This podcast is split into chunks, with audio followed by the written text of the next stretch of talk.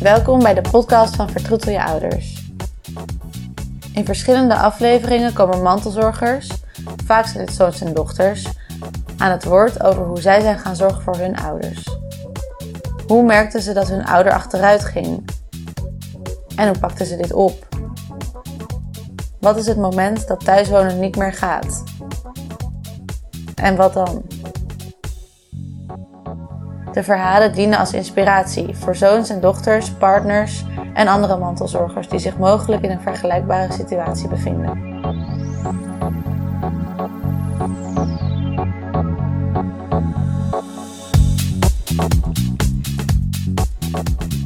Jeanette, ik ben uh, 55 en ik heb sinds, ik denk een jaar of acht, dat mijn moeder gediagnosticeerd Alzheimer heeft. En sindsdien um, ben ik samen met mijn zus en haar partner mantelzorger.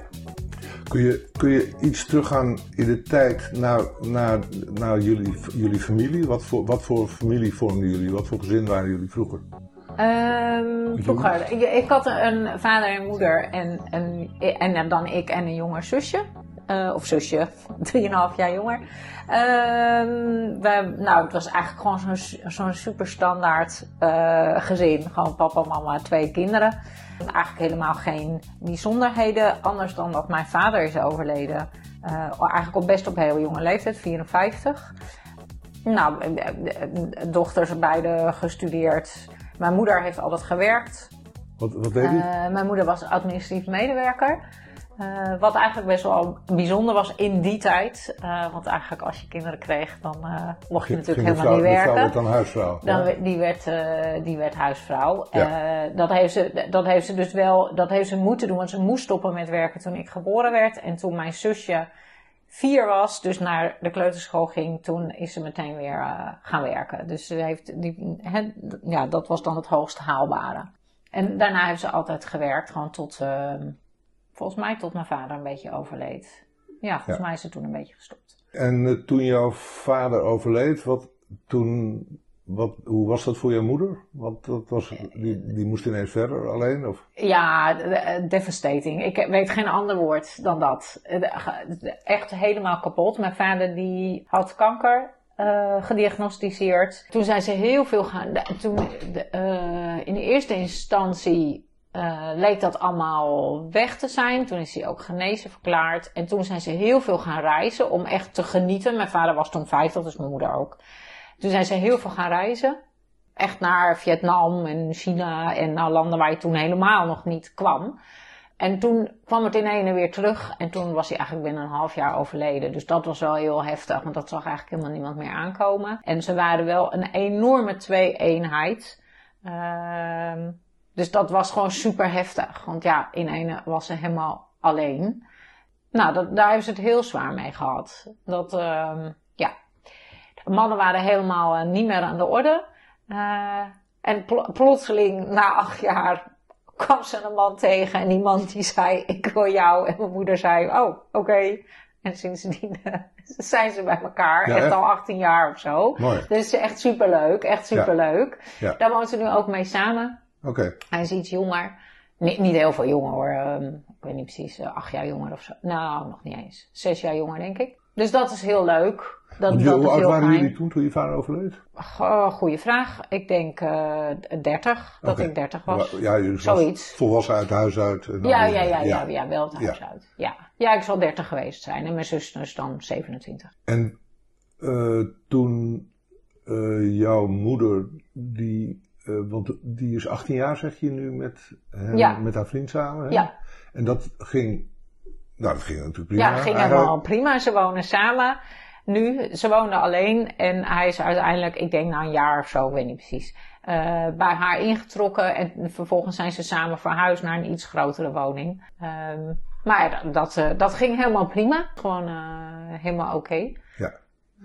De eerste jaren. Want wa- wanneer merkten jullie wat qua dat ze... Dat het achteruit ging? Ja, ja. Ja, ik moet heel eerlijk zeggen dat ik dat idee al een jaar of, ehm, nou misschien al wel een jaar of 12, 13 uh, heb. Om, mijn moeder was altijd super snel, echt uh, super intelligent, heel rap, weet je, dus een hele snelle denker. Uh, um, ze heeft altijd financieel uh, werk gedaan en dus, dus uh, de boekhouding gedaan van iedereen. Echt super snel, super slim. Uh, en ik merkte dat dat vertraagde. Maar ja, als je van heel slim komt, duurt het natuurlijk heel lang voordat een ander doorheeft van, hmm, het, het, het lijkt wat minder te worden. Hè? Want ze was gewoon heel snel. Uh, dus ik heb eigenlijk het, sinds een jaar of nou, 12, 13, 14 wel het idee, hmm, we gaan de verkeerde kant op. Maar ik kreeg totaal geen gehoor, niet bij mijn zus en niet bij de partner. Dus nou ja, nou ja, misschien zie ik het ook verkeerd. Maar het was met name het tempo wat je naar beneden zou gaan. Ja. Dat ze minder snel werd, minder Minder snel, minder... minder, ja, minder rap. Gewoon ja. minder alert, minder... Want ze is nu hoe oud? Uh, 79. Ja, dus, dus, 69, dus, was... dus was ze 63. Vier, ja, 64, 65, ik, ja, rond die, rond die koers. Ja, zo, zo, ja, rond de 65 zal het Maar het, dat kon niet gewoon ouderdom zijn?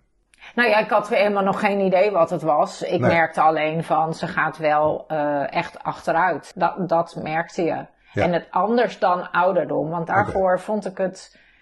Ja, nee, dat, ik vond het niet normaal. Laat ik het zo zeggen. Dus misschien omdat ik het dan toch een te groot verschil vond met hoe het was. Nee, ik ben zelf psycholoog, dus ik zit er natuurlijk sowieso wat meer bovenop misschien. Ja. Ik vond het niet gewone, ik vond het niet gewone ouderdomsaftakeling. Okay. Maar misschien dat ik het, dat ik het, um, ja, achteraf gezien hebben we natuurlijk bewijs dat het dat ook niet was. Nee. Uh, maar misschien ook omdat ze, en dat is nog steeds, lichamelijk heel sterk is, mm -hmm. was het, het liep helemaal niet in de pas. Misschien toch omdat je verwacht dat als het normale aftakeling is, of veroudering, dat het ook, uh, dat, dat, dat, dat ook lichamelijk ja, ja. een beetje wat is. En dit ja. lichamelijk was er nog steeds heel erg sterk, maar merkte ik gewoon in de, in, de, in de rapheid, in de snelheid, dat daar wat vertraging in kwam. Hoe ging dat verder? Dus wanneer, wanneer, wanneer werd het duidelijk? Of wanneer... Ja, nou dat was heel heftig, want ik denk dat dat een jaar of vind ik echt heel ingewikkeld altijd hoor, maar volgens mij is het een jaar of vijf geleden. Uh, toen uh, kreeg ze een psychose. Uh, Hoe wist je dat? Nou, ze zag dingen die jij en ik niet zien. maar, maar je was er niet bij, toch? Dus dat kreeg je door of zo? Of dat... Nou, er was direct paniek. Want het was, ze, was, uh, ze was echt helemaal in de war en heel erg paranoïde. Dus ze had allerlei uh, waanideeën ja. uh, en met name gericht op haar partner. Dus dat liep direct uit de hand. En dus, dus de, uh, nou, ze beschuldigde hem van alles en nog wat. Dus dat, dat liep direct spaak. Dus ja. mijn zus en ik moesten er moesten direct inspringen. Die eerste psychose, dat, dat was, ik ben me allemaal niet helemaal precies mee hoor, maar ik denk dat die een week of zo heeft geduurd. Toen uh, leek het allemaal rustig, dus toen is de partner weer teruggekomen. Toen heeft ze, weer een psychose gekregen. Dat was ook weer anderhalve week of zo. Dus partner weer weg, mijn zus en ik dan weer naar huis. Uh, toen was dat weer rustig en toen uh, partner weer terug. En toen heeft ze voor de derde keer een psychose gekregen. En daar bleef, dat was zo heftig dat ze uiteindelijk ook opgenomen is geweest in een uh, gesloten inrichting. Om, ja, omdat ze zo, de, de, zo verschrikkelijk de weg kwijt was. En daar hebben ze toen gezegd: oké, er moet onderzoek komen. Dus met een neuroloog uh, en een psychiater. En toen werd er gezegd: ja, dit is uh, Alzheimer. En gezien het verloop, want dit is van 0 naar 100% Alzheimer ja, in drie weken, waren de vooruitzichten heel erg slecht ik ben daar redelijk boos over geweest, want ik dacht, maar ik heb al tien jaar geroepen, gaat helemaal niet goed met haar.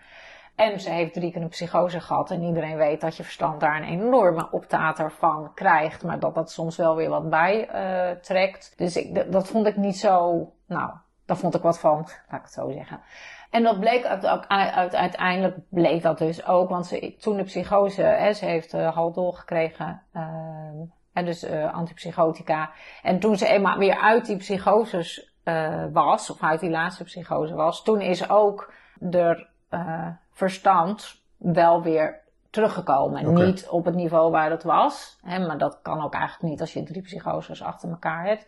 Maar wel weer dat je dacht, nou oké, Ze kan weer eh, functioneren. ze kan weer functioneren. Ja. We hadden toen ze in die gesloten inrichtingen zat echt het idee van, nou hier komt ze nooit meer uit. Dit, dit is het einde. Maar tot ieders verbazing is ze daarna gewoon weer naar huis gegaan. En is het eigenlijk toch wel weer, nou misschien wel één of twee jaar best goed gegaan. gegaan, ja. Ja, was eigenlijk, was eigenlijk ehm, nou ja, ze had dan die antipsychotica en dat was het dan eigenlijk. En wat misschien interessant is, is want van Alzheimer, een kenmerk van Alzheimer is waanideeën of nou psychoses of nou ja, geef het maar een woord. Maar in ieder geval dat, ze, dat je dingen ziet die er niet zijn. Hè? Kan. ja. Ehm, dus je weet, dat kan. Maar, dus je weet niet, eh, maar je kan ook zonder dementie kun je, of zonder Alzheimer kun je natuurlijk psychoses hebben. Zeker. En het vermoeden is dat de eerste psychose een combinatie is geweest van medicatie, ibuprofen notabene. Dat is een bijwerking van ibuprofen. ibuprofen. Eh, dat een combinatie is geweest van medicatie en overvraging. Dus terugkijkend denken we eh, dat ze, doordat ze altijd wel heel slim was, altijd eh, nog op redelijk niveau heeft kunnen functioneren. Maar, maar wel constante overvraging. En, eh, maar wat- die zocht ze op of zo, die overvraging. nee, die, die kwam van buiten. hè, Nou, waar dus kwam de- die vandaan dan? nou, van de partners. Zij deden altijd nog eh, de financiën. Ze, Ja, ja. ze regelde alles eigenlijk. ja. Eh, een hele zelfstandige vrouw altijd. Dus, dus de, de, nou, de, de- en dat deed ze zelf natuurlijk ook iets in. Van gewoon het beroep wat op haar gedaan werd. Waarbij ze, eh, omdat ze altijd heel slim was, nou, een beetje met haar vingernagels nog eraan vast hing. Ja. Maar wel eh, ontzettend overvraagd En dat hij, ze werd. moest ook aan het beeld blijven voldoen. Ze moest ook aan dat beeld blijven voldoen. Ja. En het vermoeden is dus dat in de combinatie van medicatie en overvraging die eerste psychose hebben aangezet. Nou, en daar heeft ze, heeft ze natuurlijk een opdonder van gekregen. Ja, en toen eh, stond het paard voor de wagen. En kwamen er nog twee keer. En vervolgens is dus de diagnose Alzheimer gesteld, maar het terugkijkend denk ik, ja, maar het beginstadium van die Alzheimer, dat was al jaren daarvoor. Maar ni- ja, niet gezien. En toen? Toen was ze dus weer thuis na die derde psychose, tot ieder verbazing weer thuis. Ging eigenlijk best wel redelijk. Ik denk een anderhalf, twee jaar of zo. En vervolgens ging, ja, dus toen werd het wel echt een glijdende schaal. Dus wat je merkte was dat ze steeds vaker dingen begon te we- Dus toen kreeg ze echt een beetje die Alzheimer-symptomen die je dan kent. Ja. Van een verhaal vertellen en dan twee seconden later gewoon met hetzelfde enthousiasme hetzelfde verhaal vertellen. Of als je belde op maandag, dan kreeg je een verhaal. En als je dan op dinsdag belde, kreeg je hetzelfde verhaal. Geen idee dat ze dat de dag daarvoor al had verteld. Je merkte dat ze de dagen van de week niet meer zo goed wist. Nou, eigenlijk een beetje dus, dus, dus, de standaard symptomen. En in een, in een gestaag tempo ging dat achteruit. Dat was een beetje het verhaal. En Ehm, kon haar partner daarmee omgaan? nou, in eerste instantie helemaal niet eigenlijk. Hij vond het heel moeilijk. Het is ook heel lastig. Eh, mijn moeder was altijd heel zelfstandig. eh, ja, dopte haar eigen boontjes. Eh, dus, de, dus in ene moest hij heel veel opvangen. En het is ontzettend lastig om. ehm, kijk, in eerste instantie iemand vergeet dingen of, of de, eh, doet slordigheidjes zoals het li- licht niet uitdoen of nou ja, van die flauwigheidjes. En in eerste instantie is het natuurlijk. ehm, bij, normaal gesproken irriteer je daaraan. En dan word je boos en dan denk je, ja, denk daar nou eens even aan en let eens even op. Of dat heb je nou al verteld. Of, hè? Dus, dus dat is voor de partner natuurlijk ook heel lastig. Die Ja. zit natuurlijk ook in een proces van, ja, wat gebeurt hier nou eigenlijk? En waar kijk ik nou eigenlijk naar? Dat is niet van, oh, dit is de diagnose, ik lees een boek Nee. en nu weet ik wat ik moet doen. Nee, en want je moet je eigen rouw een- door. Precies. Je moet ja. je eigen rouw door natuurlijk. Van, Ja. oh, oké. En het lezen wat het betekent is natuurlijk echt wel wat anders dan 24-7 geconfronteerd worden Zeker. met. Dus om constant je geduld te bewaren en constant te denken, ja, maar dit is de ziekte die spreekt. Ehm, wat heel lastig was, was dat in de eh, wanen hij echt de kwaaie man was. Dus dus daar, dat kan niet anders dan, dan dat je daar natuurlijk een knauw van krijgt. Hè? Ja. Dus hij was een dief en hij was alleen maar op de geld uit. En nou ja, goed, Ja. hè? Dus er zijn hele nare dingen gezegd vanuit die psychose. Dus hij heeft echt wel tijd nodig gehad om, eh, om in zijn nieuwe rol te komen. Dat, ik denk dat dat, dat heeft denk ik wel een half jaar geduurd Wat ook voordat, dat een. Nee, nee, Nee. want, Nee. want eh, het is natuurlijk, het is je even, eh, hoe noem je dat? Je gelijkwaardige partner. Ja. En in de ene eh, valt hij weg. Ja. Hè? En ook de rollercoaster van, nou, de psychose, de banen, gesloten inrichting, weer terug. Ja, verschrikkelijk. Ja. Want hoe ging dat na die twee jaar? Wat, wat, wat gebeurde er toen? Waardoor, waardoor ging het ineens niet meer? Nou, het was niet denk ik dat het in ene niet meer ging. Maar nou, op een gegeven moment eh, we- werd, werd ze zo slecht dat je merkte dat ze amper nog alleen kon blijven. Hè? Dus misschien een keertje twee uurtjes, maar eh eh, Want wat, wat ging ze dan doen als ze alleen was?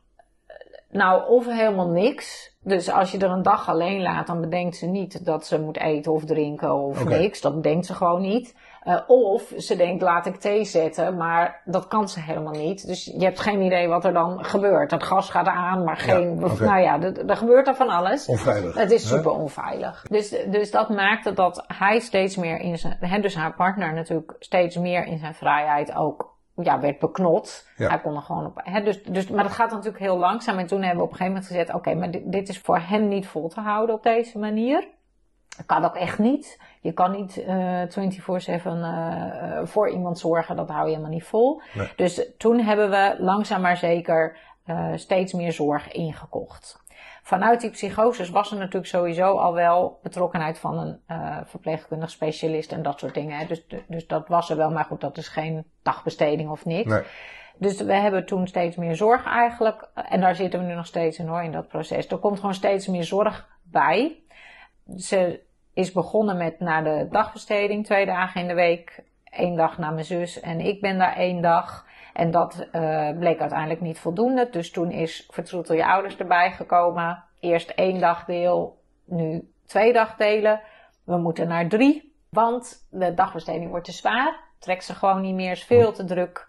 Ja? Wat, Eh, wat, ja. wat merk je dan? Ze moet steeds gehaald. Want eh, vanuit de dagbesteding is meerdere keren al aangegeven, ja, ze ontregelt de boel.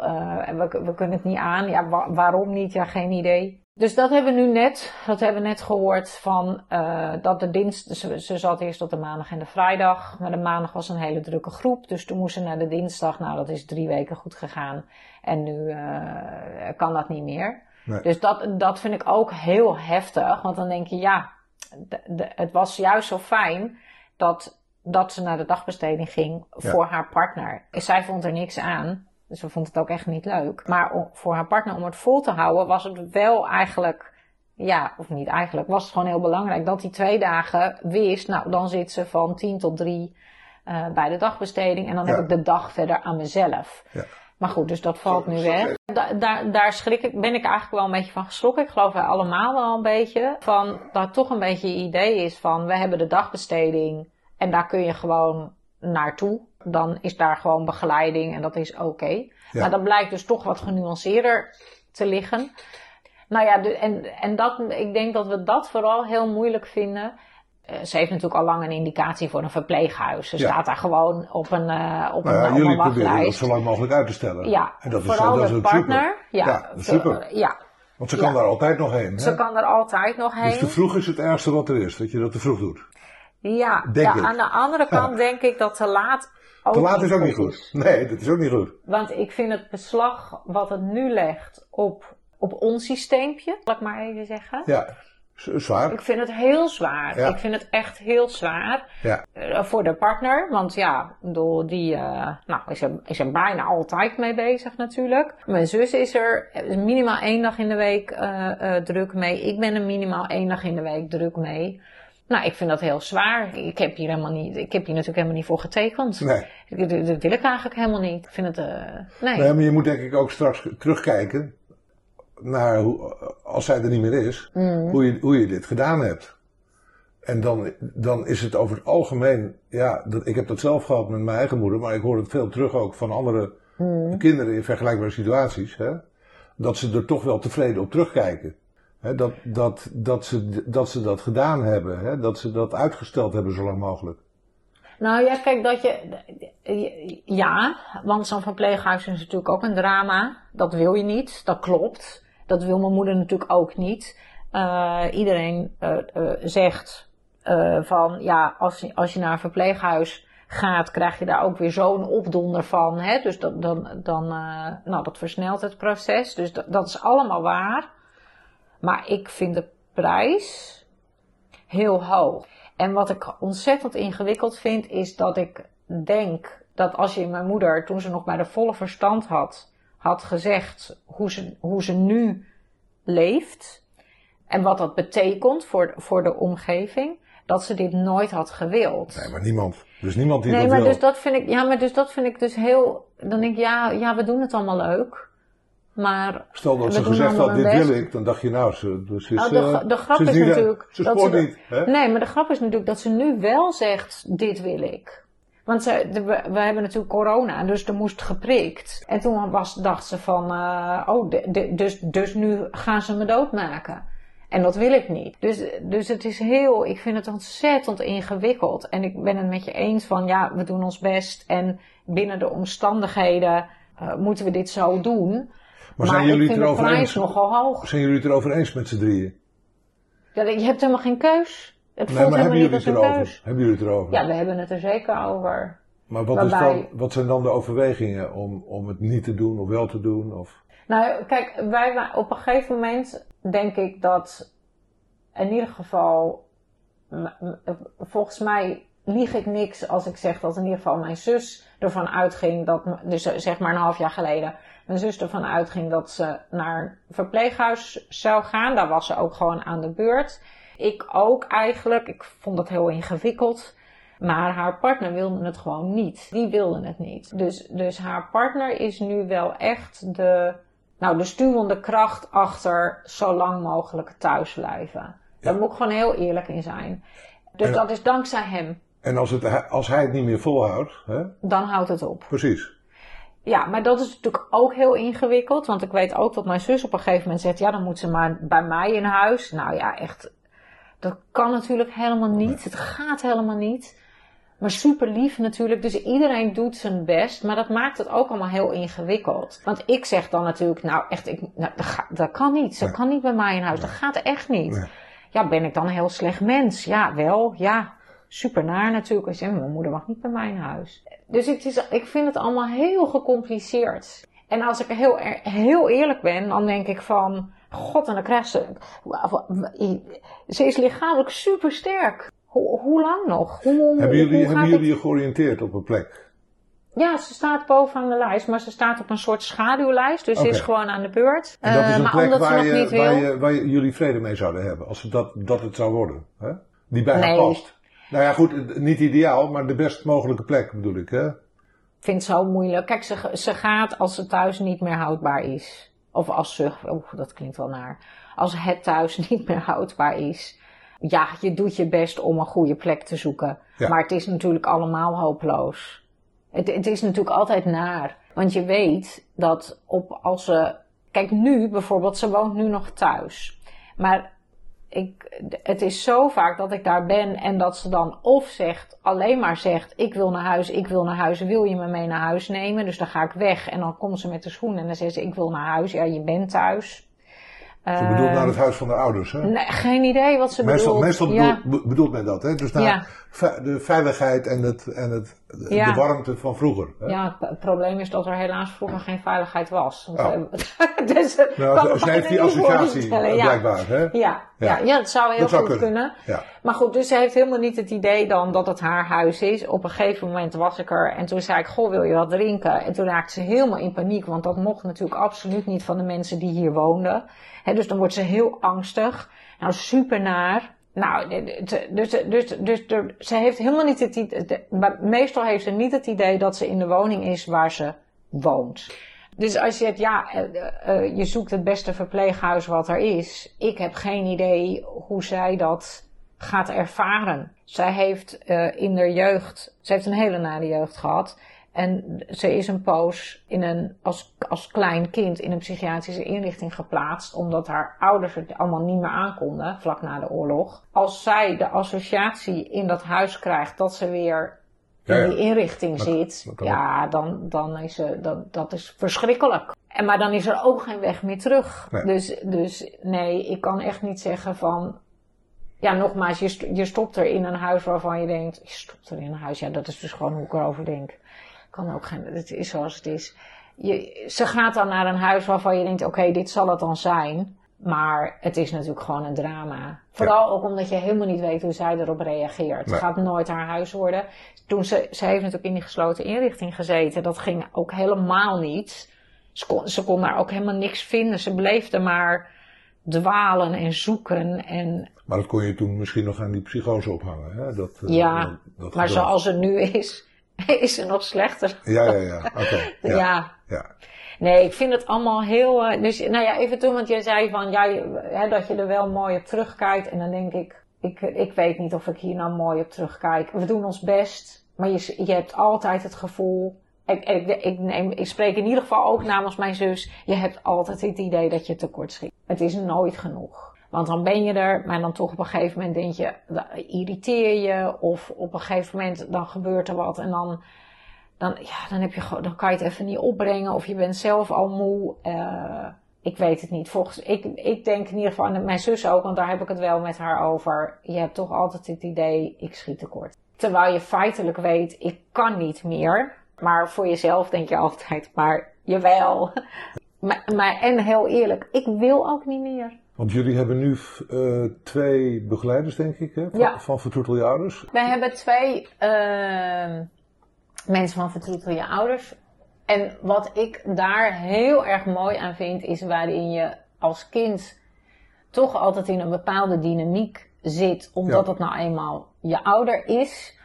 Het zijn gewoon twee, wij hebben in ieder geval twee superleuke vrouwen. Ze zijn vast allemaal leuk, maar ik ken er maar twee. En die zijn in ieder geval superleuk. Eh, en dan leuk in de zin van heel geduldig, heel lief, zorgzaam. En, en, en dat is gewoon wat, wat in ieder geval ik heel slecht op kan brengen. Maar wat zij heel goed doen, is dat ze dingen ondernemen met mijn moeder. Dus daar gaan ze. Ze zijn toevallig, het was natuurlijk eh, toevallig nu heel mooi weer. Dus toen zijn ze met de rolstoel een ijsje gaan eten. Of ze gaan samen een puzzel maken. Of ze gaan samen e- toch maar een klein stukje wandelen. Of, hè, dus wat zij heel goed kunnen is, is het geduld opbrengen. Nou, ik, ik spreek dus van opbrengen, maar volgens mij hebben zij dat gewoon, dat geduld. En zijn het natuurlijk in die zin ook gewoon professionals die, ja, die eigenlijk heel goed om kunnen gaan met. Ja, het, het klinkt bijna. Kijk, ik, voor mij is het gewoon heel lastig om mijn moeder te zien als een dementerende vrouw Mhm. waar ik niks van kan verwachten. Nee. Ik vind het gewoon pijnlijk dat als ik kom, dat er nooit wat wordt gevraagd over mij. Jou, ja. Dat gaat nooit over mij. Nee. En als het over mij gaat, dan is het van. Nou ja, als toppunt zei ze op een gegeven moment dat ik ouder was dan zij. Dat is toch redelijk lullig als Ja. zij 79 is. Dus ik weet niet wie ik toen was. Dus dus alle, alle contact is gewoon weg. En als je als hulpverlener komt, dan heb je dat natuurlijk niet. Je doet je werk. Ja, klinkt, dat zo, klinkt alsof het heel zakelijk is, maar dat, zo bedoel ik het natuurlijk helemaal niet. Maar je weet gewoon, ja, dit gaat helemaal niet over mij. Nee. Dus je kan haar alle aandacht geven. En wat ik gewoon zelf merk als kind, is dat dat, dat, dat lastiger is. Dat je biologische band in de weg zit eigenlijk. Ja, omdat je toch, omdat het gewoon raar is als je moeder helemaal nooit vraagt hoe het Nee. met jou Nee. gaat. Ja. Dat is gewoon raar. Ja. En ze is niet, het is niet dat ze niet attent is, want ik had toevallig, ik had nieuwe kleren gekocht en, dan, en ook als ik trouwens een oud truitje aan heb, dan zegt ze wel, oh wat zie je er toch weer mooi uit en dan wat heb je nou met zit je haar goed. En dus het is niet dat ze onaardig is, helemaal niet. Maar het is niks. Nee. Het, is niet, weet je, het is niet het contact wat je had. Dus, dus wat ik heel goed vind van, in dit geval dan vertroetel je ouders, hè, wat zij heel goed doen, dat is natuurlijk één op één contact. Ze krijgt volle aandacht. Eh, er wordt heel goed gekeken naar wat zij nodig heeft. Ze heeft zelf volgens mij helemaal niet door dat het betaalde krachten Nee, zijn. Het zijn vriendinnen. Nou, supergoed. Wat heel verwarrend was, was dat eentje heet Marjolein. En ze had op de dagbesteding ook iemand die Marjolein heette. Ja, dat was natuurlijk eigenlijk veel te ingewikkeld. Maar goed, uiteindelijk eh, eh, zet zich dat wel weer. Dat merk je, dat het, ja, dat het haar wel goed doet. Omdat het dan vanuit haar gezien heel gezond contact is. Want ze is begonnen met Stella hè? en Ja, Marjolein is erbij gekomen. met En, ja. en de- is het nou zo dat, dat haar partner dan ook echt ontlast wordt? Als zij Nou ja, dat, wat ik grappig vond was, ik had inderdaad het idee dat, want dat is dan, dan natuurlijk altijd thuis. Ja. Ehm, dus ik had het idee dat haar partner dan eigenlijk altijd wegging. Maar nou Ja. zei die laatste, hadden een nieuwe, ze hebben een nieuwe auto. En toen zijn ze met z'n drieën, dus Stella en mijn moeder en haar partner, eh, een stukje gaan rijden in de nieuwe auto. Oké. Nou, echt superleuk. Ja. En daarna is Stella dus nog met mijn moeder in de rolstoel een ijsje gaan eten. Dus hij wordt zeker ontlast. Ja. Kijk, al is het maar dat hij in de slaapkamer even eh, wat voor zichzelf kan doen. Of dat hij boodschappen... Hij gaat vaak boodschappen doen. Want Ja. dat kan natuurlijk ook niet. Want mijn moeder kan niet mee boodschappen doen. Nee. Ze kan nu echt geen drie seconden alleen. Hij kan even de post ophalen beneden, maar dat is het.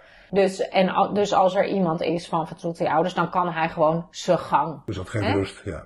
Ja, dat geeft gewoon rust. Dan Ja. kan hij even boodschappen doen, gewoon eh, rustig eh, ja, zijn dingetjes doen. Dus dat is wel, dat is echt heel fijn. En voor haar, wat we bij haar merken, is dat ze eh, dat één op één contact heel fijn vindt. Want ja. dat voelt gewoon als een vriendin die op visite is en dat is Ja. helemaal prima. En dat dagbesteden, dat dagbesteding vindt ze afschuwelijk. Maar dat hebben wij dus heel lang toch maar doorgezet, ondanks dat ze het echt niet leuk vond. Maar om de partner te ontlasten. Precies, Dat ja. was echt voor hem. Maar goed, ja, dat gaat dus nu niet meer. Althans, nee, dat is echt een aflopende zaak. Eh, en dat, dat is wel jammer. Want Ja. dat, dat was wel voor hem beter, omdat hij, omdat hij dan ook gewoon thuis in zijn eigen huis alleen kon zijn. Hè? Want dat is natuurlijk ook nog, dat ik denk, ja, hoe zou ik dat vinden als mijn partner altijd thuis zou zijn? Vind ik ook heftig. We gaan kijken wat we daar Ja. nog gaan kunnen doen. Heb, je, Ja. heb, jij, nog, eh, heb jij nog tips? Zijn er nog Hmm. tips voor mensen die eh, luisteren en in een Nou, vergelijkbare situatie zitten? Hè? Ja, nou misschien vooral dat ik zei van dat het dus heel normaal is dat je als kind altijd denkt ik schiet tekort. Wat je ook doet. Dus dat het belangrijk is dat je dat leert verdragen. Dat je, Ja. dat je altijd het idee hebt dat je tekort schiet. En wat, wat ik zelf heel fijn vind is dat we de, eh, want we zijn dus eigenlijk met z'n drieën dan als, eh, als, als systeempje Ja, eh, mantelzorger. ja. En dat, je, dat het zo fijn is als je elkaar uit de wind houdt. En alleen maar positief bekrachtigt. Dus niet, kun- waarom doe jij nooit dit? Nee. Of, maar probeer, want dat merk ik, dat dat had ik niet verwacht. Maar dat dat, dat, dat ons heel erg helpt. En dat het gewoon heel fijn is dat je zelf wel weet als je tekort bent geschoten. En dat je dat niet van Eh, iemand dat hoeft de ander je niet Ja. ook nog eens te zeggen. Nee. En dat het super fijn is om elkaar te complimenteren. En, te, en, en echt te bevestigen van, oh wat fijn dat je dat doet. Dat dat, dat, Ja. dat heel fijn is. Vertroetel je ouders.